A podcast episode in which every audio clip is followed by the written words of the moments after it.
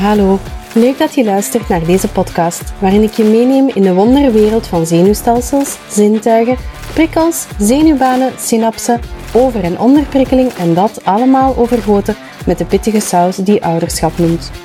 Ik ben Lien, doula, draagconsulente, maar bovenal ergotherapeut van het hart, intuïtie en wetenschap. Ik ben happily married met Tom, mama van drie jongens en dat ware levenslange leerder. En al die kennis wil ik graag met jullie delen. Welkom bij Prikkels en Dragen, de podcast.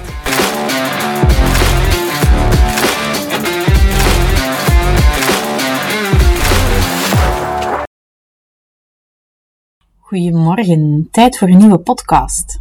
Vandaag over het onderwerp dat ik de laatste tijd heel veel voorbij zie komen op sociale media, namelijk zelfregulatie en co-regulatie. Wat hebben die twee nu eigenlijk te maken met prikkelverwerking? Wel, ik ga u dan een keer uitleggen.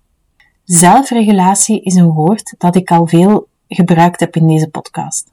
Met zelfregulatie wordt het vermogen bedoeld waarmee iemand zijn of haar aandacht, gedrag, motivatie en emotie kan inzetten om een bepaald persoonlijk doel te bereiken of zich aan zijn of haar omgeving aan te passen.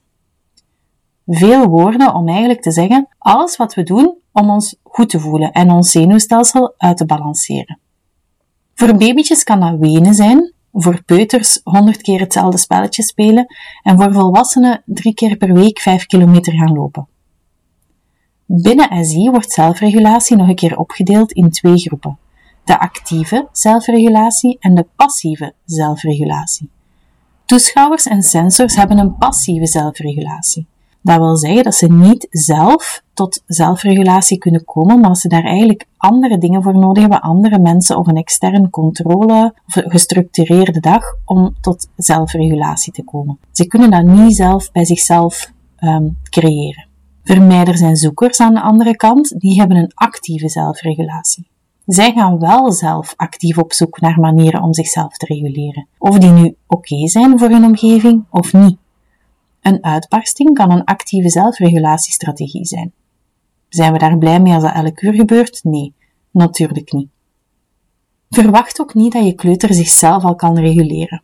En al zeker niet de extreme emoties zoals verdriet en woede. Rond 5, 6, 7 jaar moet die basis wel gelegd zijn. Maar die wordt dan verder uitgediept tijdens de lagere schoolperiode, die wordt verder gefine-tuned. Pas tegen 12, 13 jaar zou die helemaal ontwikkeld moeten zijn. En dan komt de puberteit. Tips om jezelf te reguleren of je kindje te helpen zichzelf te reguleren. Bekijk eens wat de triggers zijn bij een ongepaste reactie. Bijvoorbeeld een kind dat schopt, slaagt, bijt, of als anderen te dichtbij komen of hen onverwachts aanraakt. Zodra je die kent, kan je je daarop voorbereiden en uitzoeken hoe je hem best begeleidt in zo'n situatie. Je gaat dan in verbinding en spreekt van daaruit. Bijvoorbeeld als je kind vaak uitbarst door iets heel spannends. Bijvoorbeeld als je kindje vaak uitbarst door iets heel spannends te vinden en je merkt dat aan zijn houding, aan lichaamstaal, dan kan je op een moment voordat die lichaamstaal begint te veranderen of aan de start daarvan, op een heel rustige manier beginnen uitleggen wat er gaat gebeuren, wat er, um, hoe, dat, hoe dat de situatie gaat lopen, wat dat je weet waar dat je kan op voorbereiden. Je spreekt dan ook af wat dat je gaat doen als je die houding ziet. Na een tijdje zal je kindje er wel zelfstandig mee kunnen leren omgaan. En zo ga je van co-regulatie naar zelfregulatie. Laat kinderen ook zien hoe dat je zelf reageert en hoe dat je problemen oplost. Kinderen leren van het kijken naar volwassenen en van met hen in interactie te gaan. Durf dan ook te laten zien hoe dat je zelf met fouten omgaat. Ook hiervan kunnen ze leren. Onze kinderen leren door ons te zien doen. Laat ook je eigen emoties zien. Het is oké dat kinderen zien wenen, maar leg nadien altijd uit waarom en hoe dat je er zelf mee bent omgegaan. Bied sensorische strategieën aan.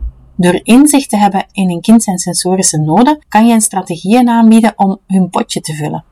Als een kind bijvoorbeeld regelmatig beweging nodig heeft bij het huiswerk maken, laat je het dan na een rij oefeningen maken, bijvoorbeeld een keer springen. Als het lichaam krijgt wat het nodig heeft, dan creëer je eigenlijk de mentale ruimte om na te denken, om te plannen, om creatief te kunnen zijn.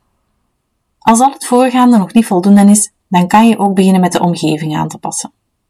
Afhankelijk van een zintuigelijk profiel kan de omgeving soms wel heel overweldigend zijn, of afleidend zelfs. Als een kind snel is afgeleid door wat het ziet, dan kan je zorgen voor rustige muren en zo weinig mogelijk mensen of dieren in hun omgeving die bewegen.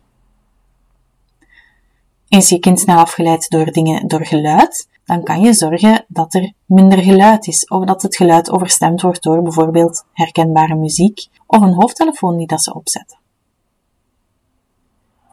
Ik heb het daar juist al even aangehaald. Kinderen leren zelfregulatie door co-regulatie. Een babytje wordt eerst geholpen via co-regulatie met een ouder of een verzorgende en gaat daardoor leren om over te stappen naar manieren om zichzelf te reguleren. Co-regulatie is een heel ander verhaal dan zelfregulatie. Co-regulatie vertrekt, zoals ik daar juist al zei, vanuit een persoon. Een ouder, een andere volwassene, maar evengoed een ander kindje. Co-regulatie is een proces waarbij een primaire opvoeder of een andere persoon waar het kind een warme relatie mee heeft, het kindje ondersteunt bij het reguleren van het zenuwstelsel. Het gaat om het moment waar wij als volwassenen interveneren door ons kalme zenuwstelsel in te zetten om het kind te helpen zijn gedysreguleerd zenuwstelsel te kalmeren of te reguleren. Ook weer een hele zware zin waarmee gezegd wordt: als wij als volwassenen rustig zijn en wij stralen dat uit, ons zenuwstelsel is in balans, is kalm, dan kunnen wij door de vibe dat we uitstralen onze kinderen helpen te kalmeren en te reguleren. Co-regulatie blijft heel je leven wel een dingetje. Heb je gevoelige spiegelneuronen, dan blijf je emoties van anderen overnemen. Ervaren. Word je er ook in meegesleept, zoals ook kleinere kinderen dit doen. Spiegelneuronen zijn neuronen die actief of actiever worden wanneer je waarneemt wat iemand anders doet. Op dezelfde plek in de hersenen als bij diegene die de actie uitvoert. Wat wel mega cool is. Een actie kan dan slaan op bewegen of spreken, maar ook op wat iemand voelt of zelfs emotioneel ervaart. Heb jij ook al gemerkt dat iemand meegeeft als er iemand anders schreeuwt? Of dat het super stil is tijdens een presentatie tot er één iemand hoest? Dat zijn onze spiegelneuronen die heel de boel kapen. En ze doen dat niet alleen met gedrag, maar ook met emoties. Ik neem je even mee door een aantal voorbeeldjes. Je baby weent al heel de tijd. Je hebt echt alles geprobeerd, maar niks helpt. Je bent echt ten einde raad, helemaal opgespannen. Je intonatie ligt hoger dan normaal, je bewegingen zijn hoekiger, je weent bijna mee. En dan neemt er een andere volwassene over. Iemand die net binnenwandelt en nog helemaal ontspannen is. En wat gebeurt er? De baby wordt rustig. Waarom? Je baby kan zichzelf niet reguleren en neemt dus de emoties van de veilige persoon over. En dat ben jij, die het even helemaal niet meer weet. Gestresseerd geraakt van het gehuil dat door merg en been gaat en onrustig wordt van er is zeker iets mis. Tweede voorbeeldje. Je gaat naar de winkel met je kleuter. Nog snel snel, na school, want je moet ook nog zus gaan halen van de crash en nog eten maken en dan moet je nog gaan sporten. Voelde de spanning? Ik wel. En die vermoeide, geprikkelde kleuter ook. En dan komen we aan de snoepjes aan de kassa. Er komt een nee op de vraag, mag ik een snoepje? En wat doet je kleuter? Jouw spanning bij die nee en die vermoeidheid gooien, je boosheid over de verkeerd gelopen planning daar nog een keer overheen gooien en op de grond gaan liggen. Moet er geen tekeningsje mee maken, zeker? Jij wordt boos, want de planning! Gevolg?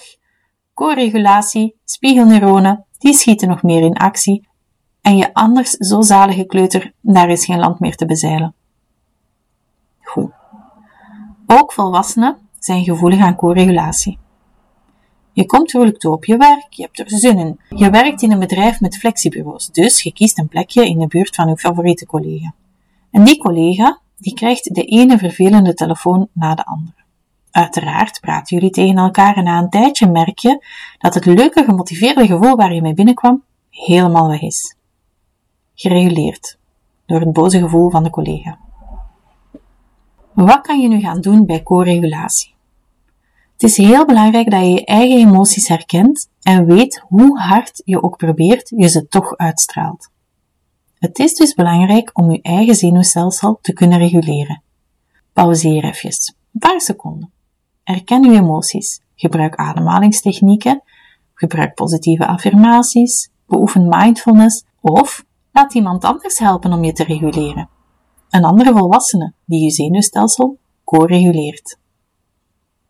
Vervolgens moeten we de signalen van het kind effectief lezen en gaan reageren op hun onderliggende behoeften.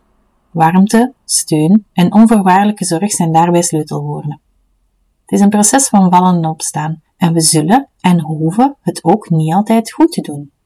Bottom line is dat er een warme, zorgzame relatie is waar een kind op kan vertrouwen en waar het zich veilig kan voelen. Vervolgens kunnen zelfregulerende vaardigheden worden gecoacht door middel van co-regulatie. Niet alle kinderen hebben dezelfde soort van co-regulerende ondersteuning nodig. Het hangt allemaal af van leeftijd, temperament, algemene ontwikkeling, omgevingsfactoren, om er maar een paar te noemen. Een kind of een volwassene vol emoties opdragen om te kalmeren helpt in ieder geval niet. Ze krijgen het gevoel dat hun grote emoties er niet mogen zijn en dat werkt als olie op het vuur. Het woord kalmeer betekent niets voor hen op deze moment. Het reptiele brein heeft overgenomen en dat is er eentje van doen en niet van denken. Kinderen weten sowieso nog niet hoe ze moeten kalmeren, dus het woord kalmeer nu een keer zal hen alleen nog maar meer frustreren. Let in de plaats daarvan, zoals eerder genoemd, op je eigen staat. Ben jij zelf kalm? Ben jij gereguleerd? Verlaag jezelf naar dezelfde ooghoogte als je kindje en gebruik een lage, kalme stem. Probeer langzaam en diep te ademen. Verlaag je tempo en toon een open en uitnodigende, ontspannen lichaamshouding. Focus op verbinding en probeer om weg te blijven van overvloedig praten en redeneren, met uitzondering van wellicht een paar kalmerende woorden. Natuurlijk zijn er een aantal voorwaarden waaraan voldaan moet worden om überhaupt maar tot zelfregulatie te kunnen komen. Je moet geleerd hebben om je gevoelens waar te nemen. Je interoceptie moet op punt staan.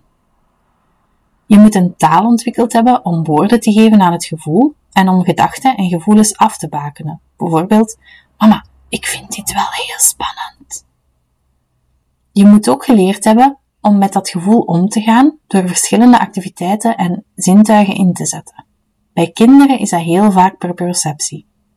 Je moet het vertrouwen opgebouwd hebben dat je kan vertrouwen op mensen om je heen en als dat nodig is, dat je ook hulp kan vragen.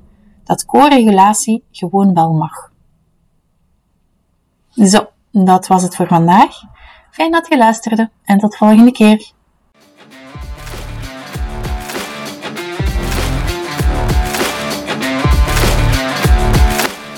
Dankjewel dat je luisterde naar deze aflevering van Prikkels en Dragen, de podcast.